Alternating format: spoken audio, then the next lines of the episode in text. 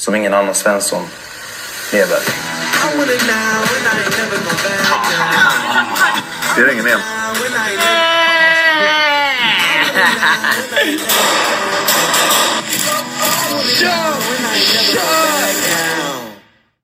Du skal nå høre del to av Mistenkt og dømt for mord, der jeg treffer forhatte Abbe Blatelito Alzadi, som ble mistenkt og dømt til 18 års fengsel på sin ekskjæreste, før han i lagmannsretten ble frikjent og dømt for en rekke andre lovbrudd, som grovt overgrep mot kvinner, overfall i to tilfeller, grov våpenovertredelse, ulovlige trusler i to saker og seksuell trakassering.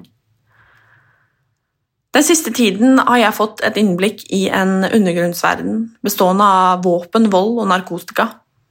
Jeg har snakket med kvinner som har blitt utsatt for det verst tenkelige. Jeg har sett bilder av skader. Jeg har lest historier om overgrep begått av mannen jeg nå prater med, og jeg har vært sint. Og jeg lurer på om vi kan forstå hvordan en voldsutøver tenker, og hvordan det kan gå så langt og så galt.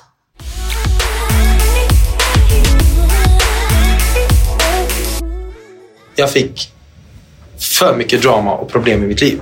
Från alla håll. Alla håll. Jag har lärt mig, det går inte att köpa, du kan, kan inte ha någonting fint och få vara i fred. Eller, eh, alltså, du, du, kan, du kan inte sticka ut i Sverige. Det är så här, för mycket avundsjuka människor.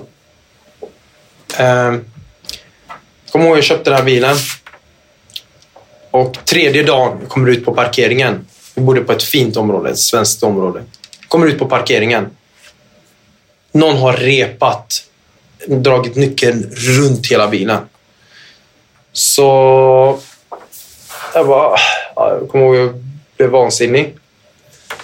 Sen, eh, jag hade typ slutat gå ut och festa och sådär. Jag hade tröttnat på det. Jag satt hemma bara med henne och kollade på film och, och gått, gick och tränade. Så jag tog bilen och körde hem barnet till, körde barnet till dagis, körde henne till jobbet, kom tillbaka, tränade. Det här normala. Tog du, tog du där fortsatt steroider? Ja, jag, jag tog fortfarande upp steroider.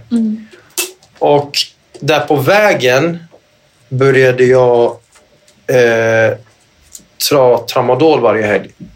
Eh, för att jag tatuerade mig. Och när jag väl tatuerade mig så satt jag under långa sittningar. 8-10 timmar alltså. Så att jag körde ganska mycket. Och jag har ADHD, jag har svårt att sitta still. Och sitter och pillar med telefon och sådär. Min tatuerare störde sig. Och bara, jag bara, men jag har ont och jag rör upp mig lite mycket och lite så här känslig.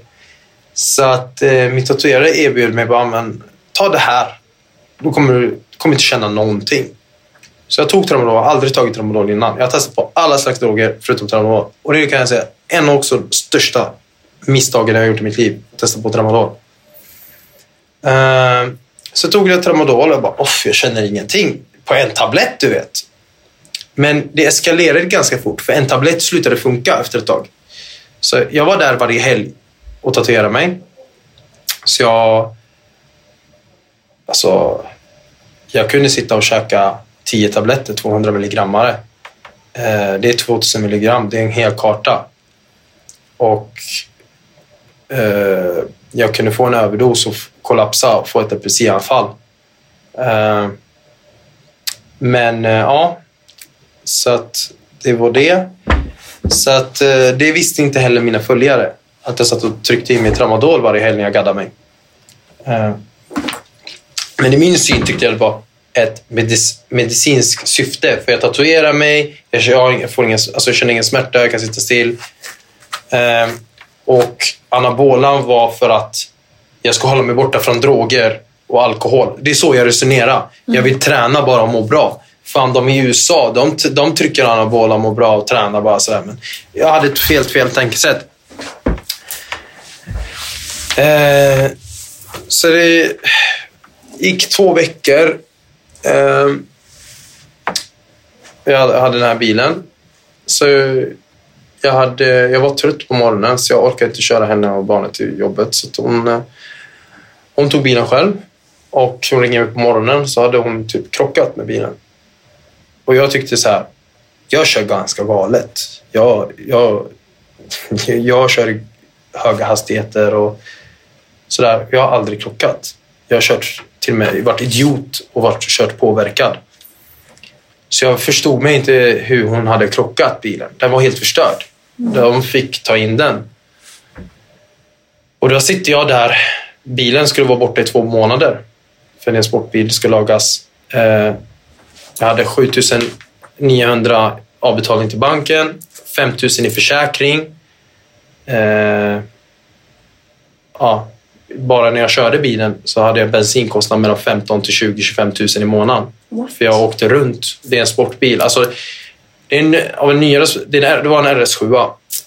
Så att när du kör lugnt med den, den är bensinsnål, men när du har ganska tung fot så drar den ganska mycket. Så att eh, sen på det så hade jag en hyrbil på en kostnad på 20 000. Eh, så jag var lite irriterad för att hon hade krockat bilen. Eh, Irriterad eller arg? arg.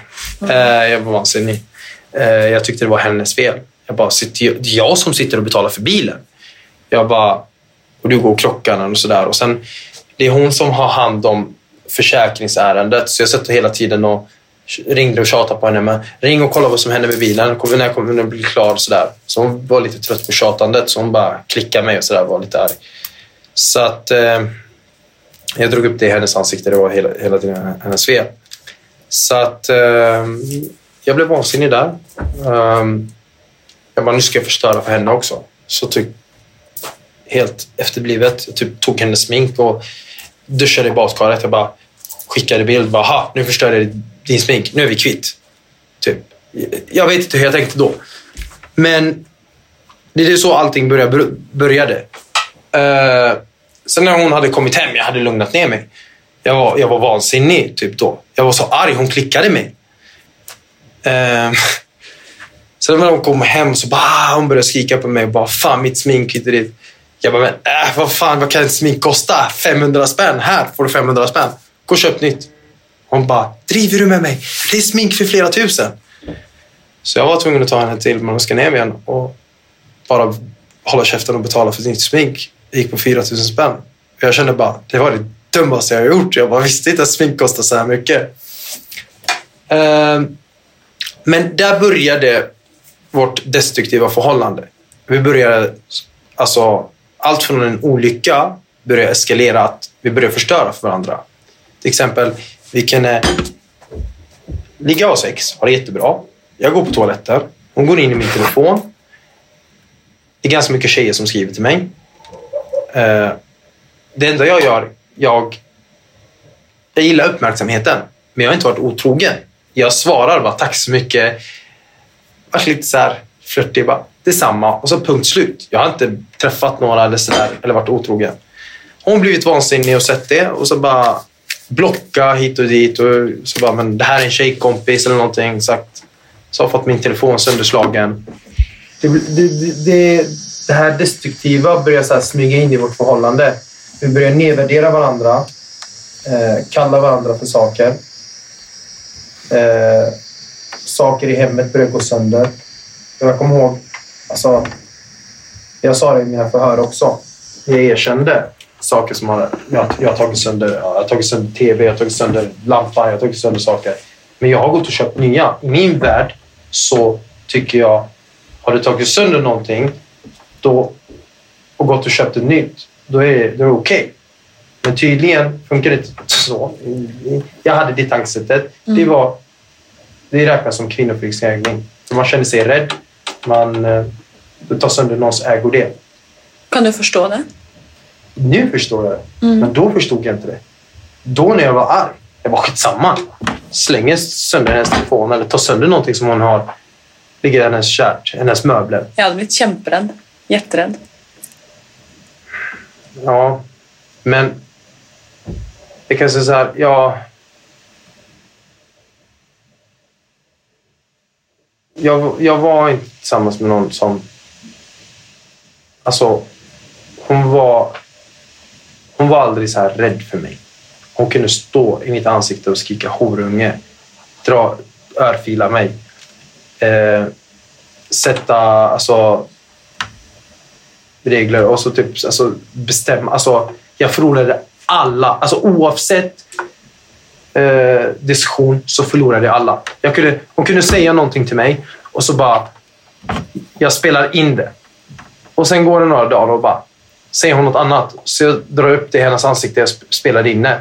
Jag bara, du sa, du sa inte så för två dagar sedan. Så kunde jag ändå förlora diskussionen. Så jag kunde bara använda mig av våld för att vinna en diskussion. Ta sönder någonting för att få stopp på någonting eller typ skrika och gapa och gå ut och stänga dörren, så slå dörren. Mm. Eller bara, ah, skitsamma, jag gör slut med dig och går och blir tillsammans med någon eller går, ligger med någon annan. Uh, Slog du henne också? Ha? Slog du henne också? Det smög in, det började, det började från att nedvärdera varandra till att saker började gå sönder. Uh, till att ja, börja lägga handen på varandra. Hade du slått en kvinna förr? Uh, nej, jag har bara... Alltså, jag har varit betett mig som ett svin. Typ nedvärderat. Men aldrig varit våldlig? Nej. Fysisk? Ja, det, det, det är första gången jag blir dömd för alltså ens vara våldsam mot en kvinna. Mm. Det var alltså... Jag kan säga att idag jag skäms över det. Mm. Jag... Alltså... Hade jag kunnat spola tillbaka tiden så hade jag... Inte, det hade inte gått så här långt. Jag har gått program och så i fängelse och fått alltså, lära mig saker som jag inte fått lära mig innan. Mm. Jag var så ganska mycket blind i, i nuet. Jag tryckte, jag tryckte i mig så ganska stora... Alltså jag tryckte i mig anabola för typ 15-20 000 i månaden. Jag, jag ville bara bli stor. Jag ville bara eh, bli större på sociala medier. Jag ville bara dra in mig mer pengar. Och sen kom jag hem och det är lite drama. Alltså det är här, jag hade mycket stress i mitt liv. Och så jag körde slut på mig själv.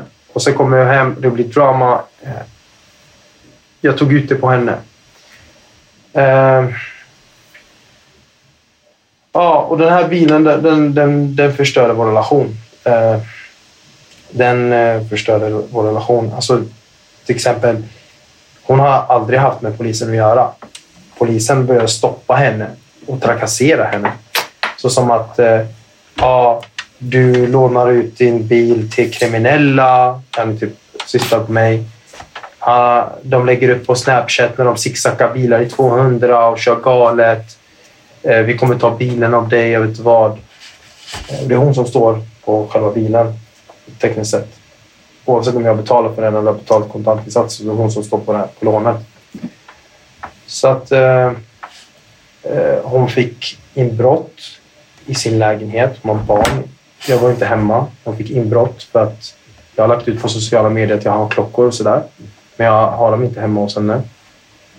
Sen har hon varit inbrott hemma hos henne. Vi har haft, vi har haft inbrott i bilen. Det har varit skadegörelse på bilen flera gånger. Eh, så den bilen var bara en jävla huvudvärk. Eh, en gång skulle hon ta bilen och åka till en vän och varit nära att bli rånad på den. Folk körde efter henne. De trodde att det var jag som körde den. Så att... Eh, ja. Eh, men... Eh, bilen eh, då, alltså... Någonstans där vi fick tillbaka den här biljäveln. Och sen efter ett tag så krockades den igen av en bekant till oss, en vän till mig och henne. Och eh, ja, det, det hände ganska mycket runt det här. Så jag, jag pallade inte mer. Det var, det var bara... Vårt förhållande var inte bra. Det var destruktivt. Vi tog ut all ilska på varandra. Eh, och den här bilen, jag ville bara bli av med den.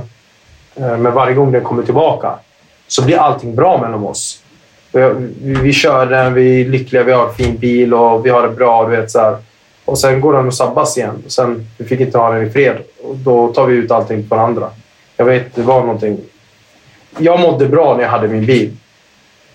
Och sen när jag hade inte min bil, då mådde jag dåligt. Och det typ, jag sitter och betalar 30 000 i månaden för en bil som inte jag har. Och sen tar vi ut allting på varandra. Skitsamma, men... Eh, eh, jag började märka det, att jag började gå överstyr med mitt tryckande, anabolan. Och eh, jag började träna dåligt, jag började äta dåligt, jag började bara trycka mer. Eh, jag började käka tramadol när jag tatuerade mig, men som ursäkt, jag började trycka i mig mer. Jag fick överdos och så. Så jag bara, jag mår inte bra av det här. Jag, må, jag måste bort härifrån. Jag måste ta en semester. Så jag tog en semester till Spanien i slutet av 2017, i december. Och eh, jag... Ja. Råkade ta in... Vi gjorde slut då. Och sen man mådde skit över det så att jag köpte mig tio gubbar ladd och bara tryckte i mig hela skiten på en kväll och bara uh, mådde skit. Och jag så, här. så jag bara, det här mår jag inte bra över. Så att det blev, för att hon hade kastat ut alla mina grejer i porten. Så att jag la upp en snap när jag står i ett bord och det står massa tjejer runt. Eh, så att eh, vi blev sams. Eh, och du vet så här, det här destruktiva jag kallar. Jag skickar till henne när jag sitter och tryck, knarkar ladd. Och hon skickar till mig att hon har tagit tramadol. Ja, ni tycker synd om mig och jag tycker synd om mig. Det är så här sympatikort. Det är bara kolla du får mig att må dåligt. Jag vet inte vad jag ska säga. Men eh, vi blev sams. Jag försökte bara, okay, nu, nu, nu, nu vill jag bara ha, Jag vill inte att hon ska sitta och trycka i sig droger och jag vill inte att vi ska sitta och hata varandra. Så jag, blev, jag, jag gjorde så att jag blev sams med henne och sen när jag kom hem till Sverige så trodde hon att jag skulle komma hem. Så när jag kom hem så tog jag mina grejer och flyttade tillbaka till Uppsala. Och när hon kom hem så blev hon vansinnig. Hon terrade mig överallt på sociala medier, på alla på Snapchat, Facebook, överallt. Så jag gjorde så att jag blockade henne. Jag började betala för bilen. Så fort jag kommer tillbaka så säljer vi den. Så vi går vi skilda vägar. Så jag höll mig borta i tre veckor från henne och sen... Eh, eh, jag fick en ny lägenhet i, i Stockholm.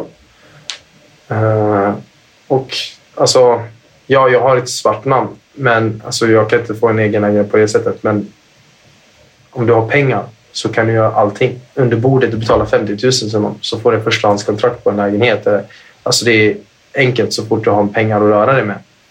Så jag hade fixat en ny lägenhet. Ehm, då åkte jag till Stockholm. Hade börjat må bättre. Ehm, och då ville jag så här... Jag saknade henne.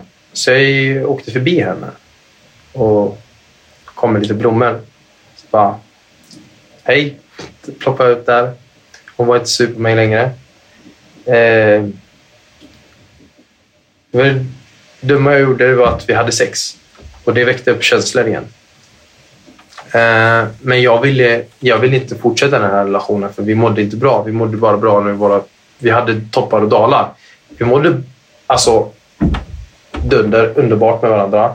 Och sen vissa tider vi mådde skit med varandra. Så att eh, jag saknade henne bara vi hade sex. Och det väckte känslor för båda, alltså mest för henne. Sen hon frågade mig, ska du sova över här? Jag bara, nej jag ska gå och kolla på en lägenhet och sen ska jag ut och träffa några vänner. Sen ska jag tillbaka till Uppsala.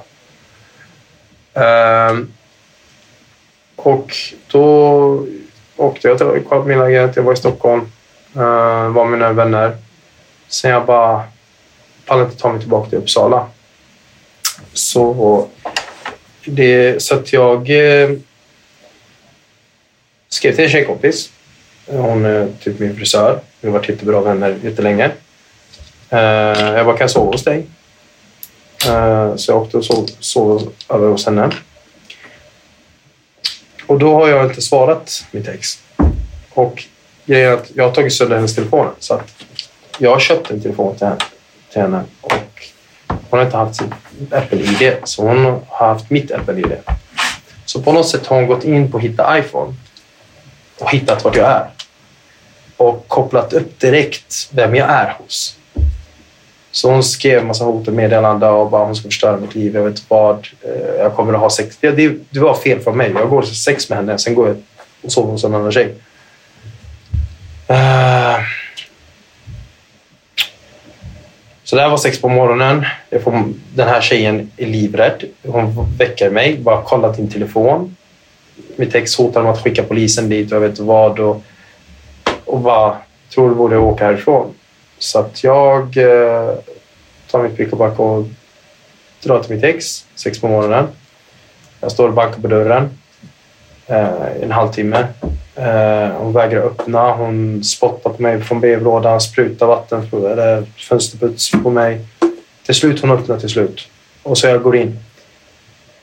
Eh, och det är så att då har jag lovat mig själv att alltså, vi ska inte vara, alltså, vi ska, ska inte vara våldsamma, vi ska inte göra någonting mot henne. Så här, jag vill bara lösa det här. Jag vill bara gå skilda vägar.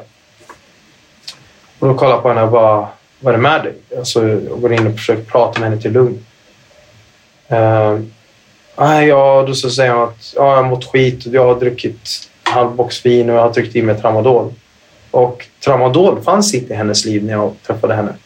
Alltså, hon, hon kunde max ta lite kokain och hon går ut och festar med sina vänner. Men tramadol fanns inte. Det var jag som tog in det i hemmet. Det var jag, alltså, jag har fått överdoser där hon har räddat mitt liv. Förstår du? Så att jag kände skuld över att hon har börjat ta dem. Eh, så att... Eh, jag tyckte på ett sätt... Jag, jag, jag bryr mig om henne, så jag, jag tog hand om henne. Eh, polisen dyker upp. Grannarna har ringt polisen. Och då kan jag tänka dig, vi har slagit sönder varandra. Vi, hela hemmet har varit upp och ner, skrikit och gapat. Ingen har ringt polisen. Den här gången ringde någon polisen. Hände det något då? Skedde det något? Nej, polisen kom. Och eh, de kom hem till henne. Och jag satt där på soffan. Uh, och, och då hon öppnade för polisen. Hon stod i morgonrock. Och då kom in en kvinnlig och en manlig polis. Uh, och så en pratade med mig och en pratade med henne. Och den här polisen kroppbesiktade henne. Eh, för att kolla om hon har blåmärken eller sådär. Hon hade ingen blåmärken. Hon var ganska uppkäftig mot dem. Vad gör ni i mitt hemstick härifrån? Ni trakasserar mig. Hon har blivit trakasserad av polisen ganska mycket på grund av mig. Eh, och jag pratade med dem bara i lugn och ro. Jag bara, vi har bara bråkat, jag har gjort slut med henne. Eh, jag kom hit för att lugna ner henne. Hon har druckit lite sådär. Och, och det är det sjuka i det här. Hennes barn är hemma. Treåringen. Eh, polisen går därifrån. Sen... Eh, jag blir vansinnig. För polisen vet inte vart jag bor. Polisen vet inte vart jag befinner mig. Alla mina lägenheter står på vänner och sådär. Jag brukar ha pengar hemma. Jag brukar ha mina smycken hemma. Och det vill de ta ifrån mig. Och folk vill råna mig på de här. För jag lägger ut på sociala medier. Jag bara, bra, grattis. Nu har du fått polisen hit. Nu vet polisen att jag, alltså, vi kommer aldrig bli tillsammans igen. Mm. Det är slut mellan oss. Du var, du var sint på henne? Ja. på henne? Så att jag sa till henne, tack och hej. Det är over. Det är så här, så fort bilen kommer tillbaka, den ska säljas. Jag bara, behåll pengarna för jag har betalat för. Jag skiter i jag skiter i dig. Men det var ju inte hon som hade ringt polisen? Nej, det var grannarna. Varför var du sint på henne då? För att polisen vet vart jag bor nu. Och alltså typ... Alltså... Jag känner mig så här bara typ... Min trygga zon är inte längre trygg. Jag, alltså... Du vet när du har levt ett, ett kriminellt liv och levt ett liv där du har försökt undkomma lagen undkomma... Alltså det så här, du är paranoid. Så när du kör bil, polisen bakom mig, eh, ligger i sängen, hör en bil utanför med dubbdäck. Du går ut och kollar. Eh, du vet. Ja, så att... Och på den här tiden, jag, eh, jag, jag var inte kriminell längre. Jag ansåg mig inte själv som kriminell. Men jag hade en ganska stor hotbild för att jag hade en dyr bil och smycken. Och folk ville åt mig. Så jag bärde en skottsäker väst och jag hade ett vapen. Så tekniskt sett så är man inte laglydig. Alltså... Men du levde ju... Eh, tog du fortsatt droger? Då? ja, tekniskt sett tog jag droger. Jag tog tramadol Ja. och jag tog anabola. Och det hade jag Ja. också hemma. Och så mycket så anabola jag hade hemma, det är straffbart. Mm. Så du var inte helt... Nej. Nej, men i mitt sätt så jag bara, Mm. jag säljer inga droger. Jag eh, skadar inte andra människor. Jag eh, bryter inte mot lagen på det sättet. Så mitt sätt, jag... Alltså, Du trodde att du var uh, lovlig. ja. Mm. Eh, så. Men jag bara, men jag kan aldrig vara här, du vet. Nej. Jag bara, för att när polisen kom in så tog jag av mig min klocka. Värd 150 000. Jag la den i soffan. Jag var rädd för att de skulle ta den. Ehm, och, eh, och det är jättekonstigt. Jag har till Kronofogden så har jag 180-190 000. Jag, jag kunde inte betala av dem lätt. Bara klockan jag har är mycket, lika mycket som jag har till Kronofogden. Men jag har vägrat betala det för jag har känt bara jag har inte gjort något fel och jag har blivit dömd. Och jag har försvarat mig själv och jag har blivit dömd och ska betala skadestånd till människor. Så att jag bara, nej, jag ska inte betala det här. Och jag kan inte heller ta en skuldsanering för det är, är brottsoffer som jag har gett mig på. Alltså det är människor. Så att eh, i mitt sätt, jag bara, nej, jag klarar mig undan. Alltså jag klarar mig utan ens att betala. Ah, Ja, ja. Så Mm. att, men så ska man vara rädd hela tiden vad man bär. Eller så här. De har tagit till mig en jacka jag hade på mig. Jag köpte, den, jag köpte en jacka för 14 000. Jag la upp det på sociala medier.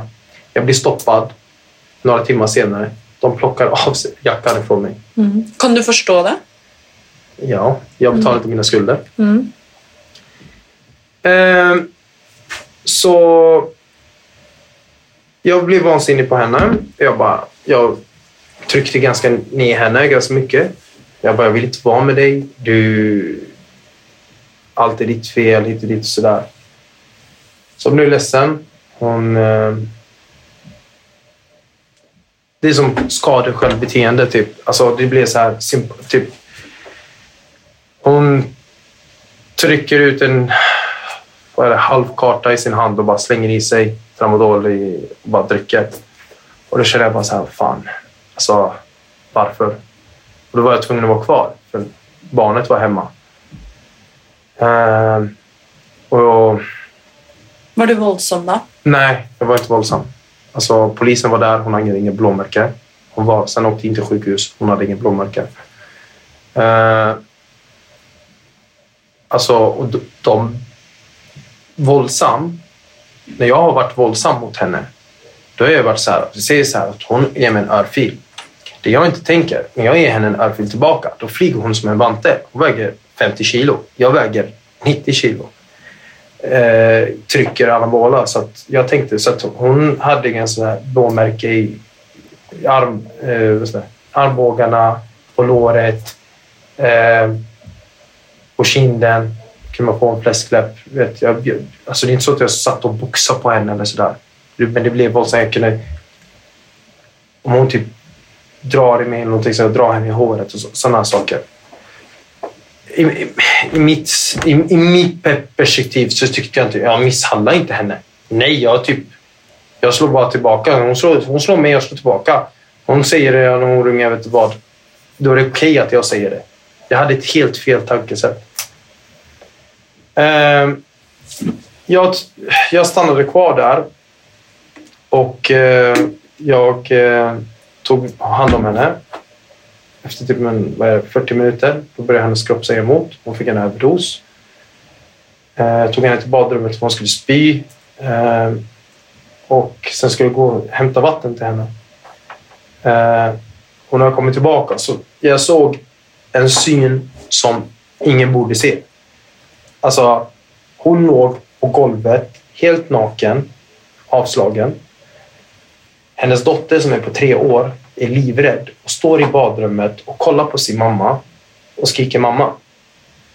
Men full blöja. Hon har inte fått ens byta blöja. Så jag blev vansinnig. Så att jag tog ett kort och suddade bort hennes könsorgan och skickade det här till hennes familj.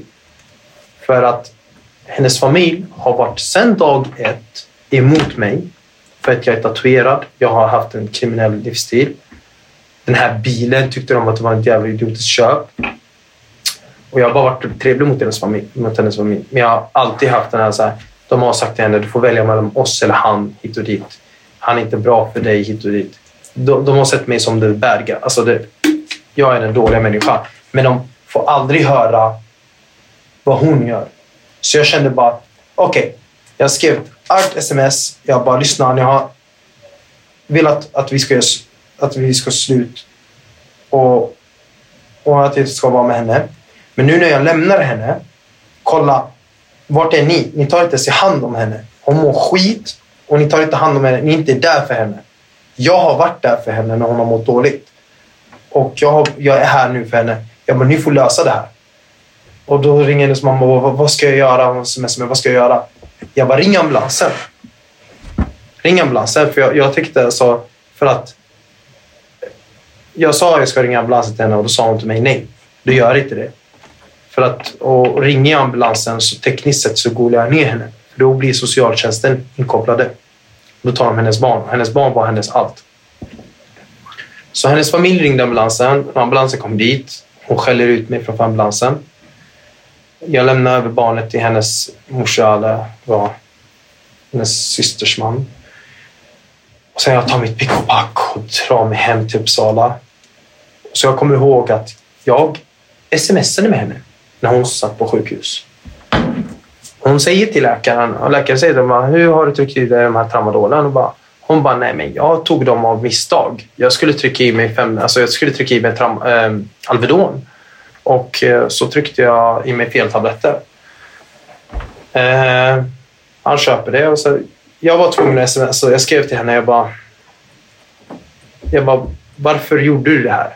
Alltså jag ville bara bekräfta det. Bara, varför gjorde du det här? Varför vill du ta en överdos? Varför trycker du i det så mycket? Du har sett mig ta, jag som väger 90 kilo, ta en överdos på de här tabletterna. Hur farliga de är. Nej, jag har mått skit. Du, du är inte där för mig. Eh, du älskar inte mig. Jag, lalala. jag har varit där för dig. Och hela den paraden. Och hon erkänner på sms att hon har tagit de här. Ehm, men jag insåg i alla fall att vi är inte bra för varandra. Men alltså, ändå så vill jag... Jag kunde inte lämna henne. Jag, kunde, jag har fått min lägenhet nu i Stockholm. Men jag kunde inte lämna henne för hon var väldigt... Hon mådde skit. Hon var verkligen på botten. Hon gick inte till jobbet ens. Hon, jag har på ett sätt jag förstört henne. Alltså, allt mitt dåligt mående har jag lagt på henne. Jag har fördärvat henne. Hon har inte gått på, till jobbet, sjukskrivit sig, har fått bekräftat av läkaren att hon har fått PTSD. Eh, på grund av dig? Ja, tekniskt sett. På grund av mig. Eh, så att jag bara, okej, okay, jag har en lösning. Eh, jag, jag hade träffat min syster min syster tog kontakt med mig. Jag har inte haft kontakt med min familj på 12 år. Eh, sen jag åkte in. Hon tog kontakt med mig och eh, hon hade blivit eh, hemlös. Hon hade förlorat sin lägenhet och lite jobbigt för henne. Jag bara, kom flytta hem till mig. Jag ställer upp för dig. Och då fick jag en idé bara. Men om både jag och min syster bor tillsammans med mitt ex så kanske det blir inte mer våldsamt. För, det, det en, för i början så var det inget, vi var inte våldsamma. Vi sa inte, alltså vi kunde bråka i bilen och så när vi hämtade barnet så blev vi tysta. Det tog slut. Men sen eskalerade det så att vi brydde det aldrig oss om barnet var där. Det slogs och det var våldsamt. Så jag tog min syster dit. Eh, när jag var på gymmet och var med mina vänner så umgicks hon med min syster och sådär. Så där bodde ni där tillsammans? tillsammans ja. ja. Hon hjälpte henne att städa, hjälpte henne att vara barnvakt. Jag och hon kunde gå ut tillsammans. Sen... Eh, sen... Eh, uh, ja. En dag så berättar eh, min syster att de hade varit ute och eh, att hon, mitt ex hade gått in på toaletten och tagit kokain. Så hon berättade till mig. Hon golade ner henne till mig. Så när jag satt, eh, jag sitter hemma då och där och säger till henne varför har du gjort det? Du skulle sluta med drogerna. Du skulle, du skulle, du skulle, vi skulle få ordning på det här. Alltså, jag skulle sluta med tramadolen. Du skulle sluta med de här personerna. Okej, okay, du kan gå ut och dricka och sådär. Men det enda jag försökte bestämma över hennes liv, jag ville inte att hon skulle sitta och ta droger. Um, hon bara, nej men det, det var bara lite kul. Jag festade lite så här. Så jag blev skitarg. Uh, och då så här, slog jag bort tallriken. Oj, förlåt. Slog bort tallriken. Och hon uh, blev vansinnig och typ puttade på mig och bara... Ja, för att jag tog sönder hennes tallrikar. Hon bara... Uh, puttade på mig och sa ja, kommer ihåg att jag filade henne där framför min syster. Du slog henne? Mm. Mm. Eh, och då tog jag, tog jag och gick ut därifrån.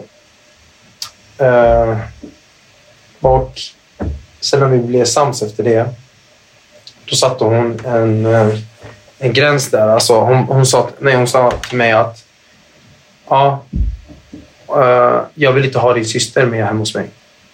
Eh, för att för det första, min syster har golat ner henne till mig. Och för det andra, hon har rätt. Jag blev våldsam mot henne framför min syster och min syster sa ingenting. Hon gick inte emellan. Hon gick inte så. Men vad fan ska min syster göra? Jag såg svart. Jag hade kunnat klappa till henne också. Så att hon var också lika rädd. Um, ursäkta, jag måste bara svara på det här. Mm.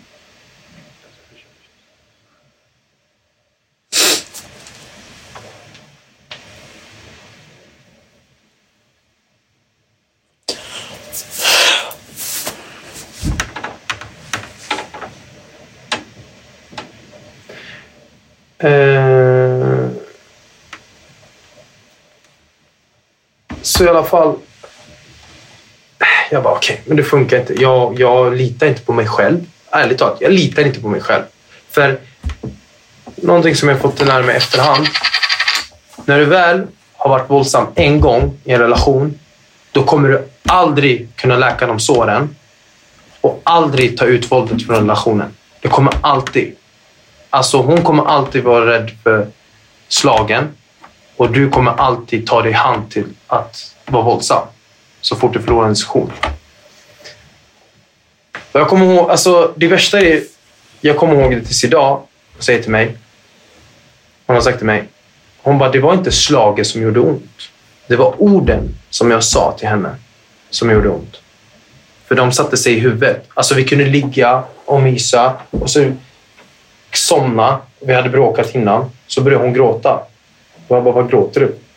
För de sakerna jag hade sagt till henne. Det sätter sig i huvudet. Och nu efteråt så vet jag hur det känns. För att jag har fått ta emot ganska mycket hat och folk har skrivit och, och sagt saker. Så det är det... Ja, vad ska jag säga? Kan du förstå att folk har skrivit och ja. sagt och kommit med hat? Vad, ursäkta, vad sa du igen? Kan du förstå att folk har skrivit hat till dig efter vad som har kommit fram? Ja, men folk, det, det, det, grejen är att jag, aldrig, jag har alltid fått hat sedan jag var barn. Jag har aldrig brytt mig. Och jag bryr mig inte längre. Alltså jag bryr mig inte heller nu vad folk tycker sådär. Jag har alltid varit hatad. Jag, jag, bara stäng, jag har stängt alltså jag stänger av. Men... Eh, och folk vet inte ens. Hälften. Alltså folk bara går i en våg. Bara, ah, vi ska hata på honom, vi ska hata. Alltså, de vet inte ett skit, ett jack shit. Skitsamma. Eh, det är... Eh, hon vill att din syster ska flytta ut. Ja, hon ville att min syster skulle flytta ut och eh, då då sa jag, men jag litar inte på mig själv. Jag litar inte på, på dig. Och det kommer fortsätta bli våldsamt. Och det är så här, jag mår inte bra av det. För fort jag var våldsam och gjorde någonting, då mådde jag dåligt efter det och bara förlåt, förlåt, gick och köpte någonting fint. Jag bara, jag kan inte hålla på så där. Vi bråkar och sen sitter man och har ångest över det. För man älskar varandra, då vill man inte varandra illa. Så att jag flyttade in till min lägenhet. Jag sa till min syster, jag bara lägg inte ut några bilder vart jag bor. Jag lägger inte ut, ingen vet vart jag bor, inte ens mina vänner. Jag litar inte på någon. Eh, jag bara lägg inte ut bilder, lägg inte ut någonting vart jag bor. Första hon gör efter några dagar, hon lägger ut en bild från balkongen. Mitt ex eh, ser exakt vart det är. Då, då hade jag så här, jag, jag har gjort slut med henne. Men då har jag velat gå vidare. Jag vill inte vara ensam. Så jag går tillbaka till henne. Så jag har träffat en tjej. Haft henne att sova hos mig. Så jag går ut på morgonen. Jag pussar henne. Då står mitt ex där utanför med sin tjejkompis i bilen och filmar. Och skickar till mig och bara “ditt jävla svin”. Och det är så här, jag har gjort slut med henne. Vi har en bil tillsammans. Jag har gjort slut med henne och sagt att det här funkar inte för vi är våldsamma med varandra. Jag dumpar inte dig för någon annan tjej. Det är inte någon annan i mitt liv. Jag, vi kan inte vara med varandra. Jag kommer alltid vara där och ställa upp för dig. Och jag, men det funkar inte. Hon blir nyfiken. Hon åker hem till mig och ser att jag går ut med en annan tjej. Vi bodde fem minuter från varandra. Uh, det gjorde henne vansinnig. Så att... Uh, ja. Det var det. Ehm, Sen... Uh, vad ska jag säga? Uh, jag avslöt. Alltså hon, på ett sätt så gick hon vidare. Mm. Och uh, jag fortsatte träffa den här tjejen. Och jag berättade till den här tjejen. Jag, jag berättade allt till henne. Jag bara sagt, sa till henne. Det har jag varit våldsam mot mitt ex. Jag har slagit mitt ex ja, det har hänt det här och det här och det här. Jag var ärlig och la upp alla korten på borden. Ehm, och till och med mitt ex hade skrivit till henne och sagt vad jag har gjort. Men jag har redan erkänt det här till henne och varit ärlig mot henne. För hon ville att jag skulle, den här tjejen skulle vara med mig. Um, och då sa jag, då sa jag, jag kommer ihåg att jag sa till den här tjejen, jag bara, vad än som händer Lägg aldrig din hand på mig. För då ser jag svart. Jag kan inte behärska mig själv. Jag bara, vad än som händer. Alltså, be mig bara gå därifrån eller om, om vi bråkar eller så här. Men vi bråkade aldrig. Vi hade det bra. Uh, vi träffades, vi gymmade tillsammans. Det gjorde jag inte med min förra tjej. Vi, hade, vi gick ut och festade tillsammans. Uh, Var du drogfri då? Uh, har tramadol fortfarande. Jag mm. tatuerar mig. um, och tekniskt sett så är jag inte drogfri för jag tycker ganska mycket anabola. Mm. Uh, sen um, är det så här att bilen har stått på verkstad och lagats för 170 000. Eh, och den stod i Göteborg eh, hos eh, alltså en vän som hade kört dit den till den här verkstaden. Han kände dem. Det skulle bli lite billigare mm. för att vi skulle lägga ganska mycket av kostnaderna från egen ficka. Och då säger han till mig på fredag är bilen färdig. Och då, då var jag väldigt angelägen om så fort bilen kommer, säljer den och så är det slut. Hon får bort den från sitt namn för hon har inte råd att ha den.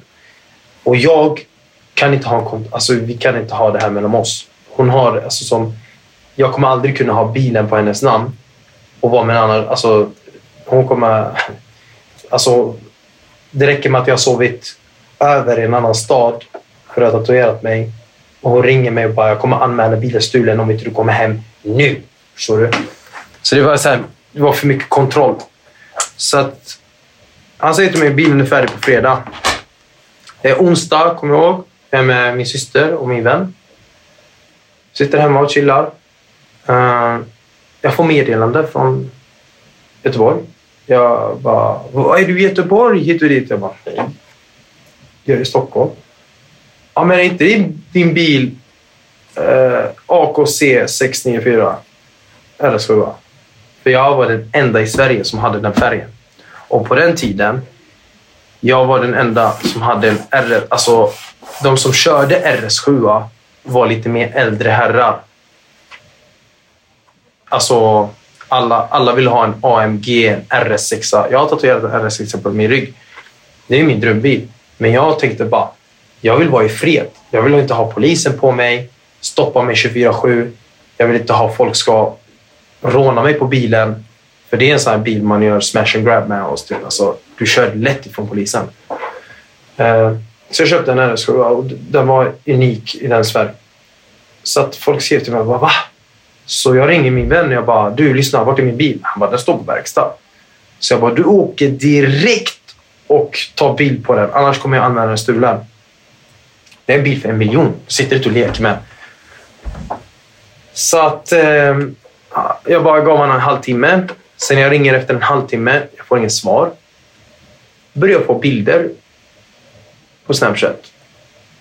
Och då ser jag bara hur alltså bilder, folk kör förbi på motorvägen.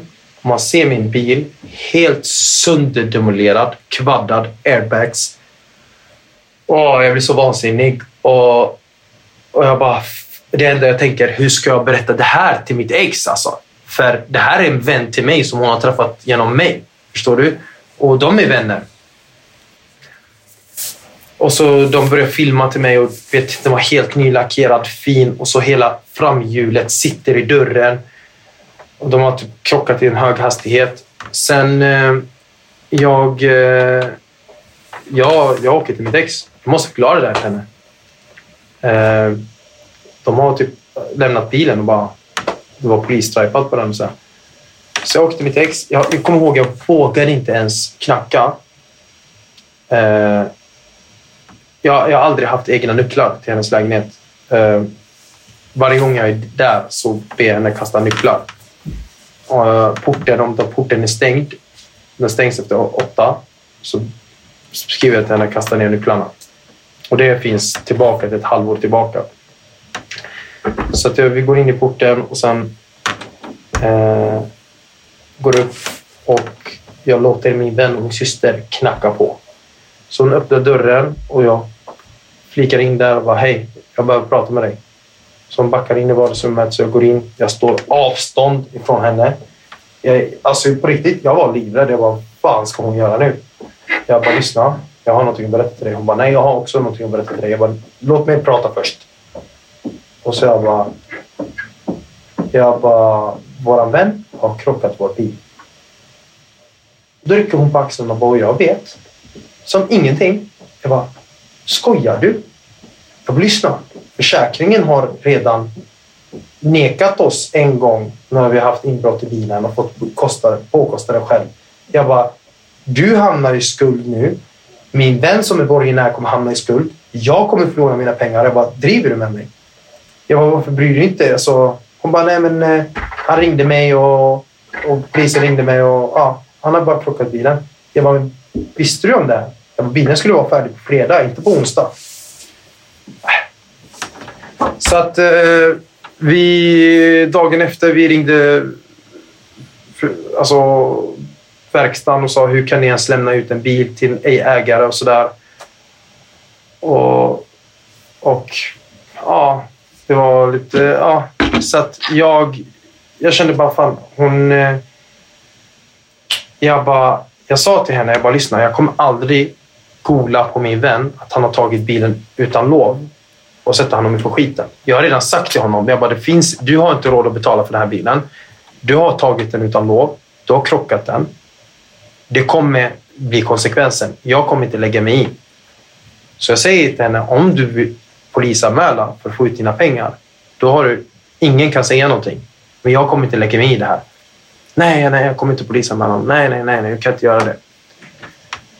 Så jag bara, vet du vad? Jag vill inte ha någonting att göra med dig. Behåll pengarna, behåll allting. Men du får betala för bilen varje månad själv. Jag, jag, när du får tillbaka, du får ta ett lån eller någonting. Alltså betala för bilen. Sen får du ta dina pengar tillbaka. Alltså det är största Alltså det är värre än att köpa en lägenhet med någon. Uh,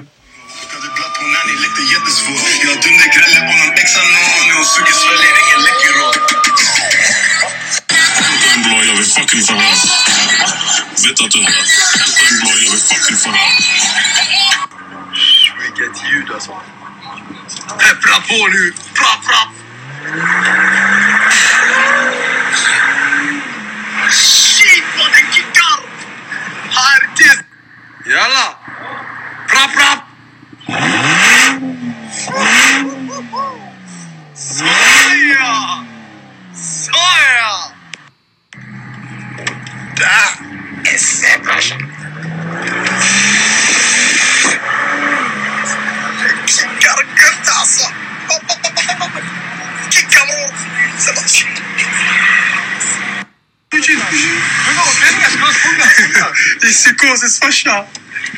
Kör, kör, kör, kör, kör, kör, kör.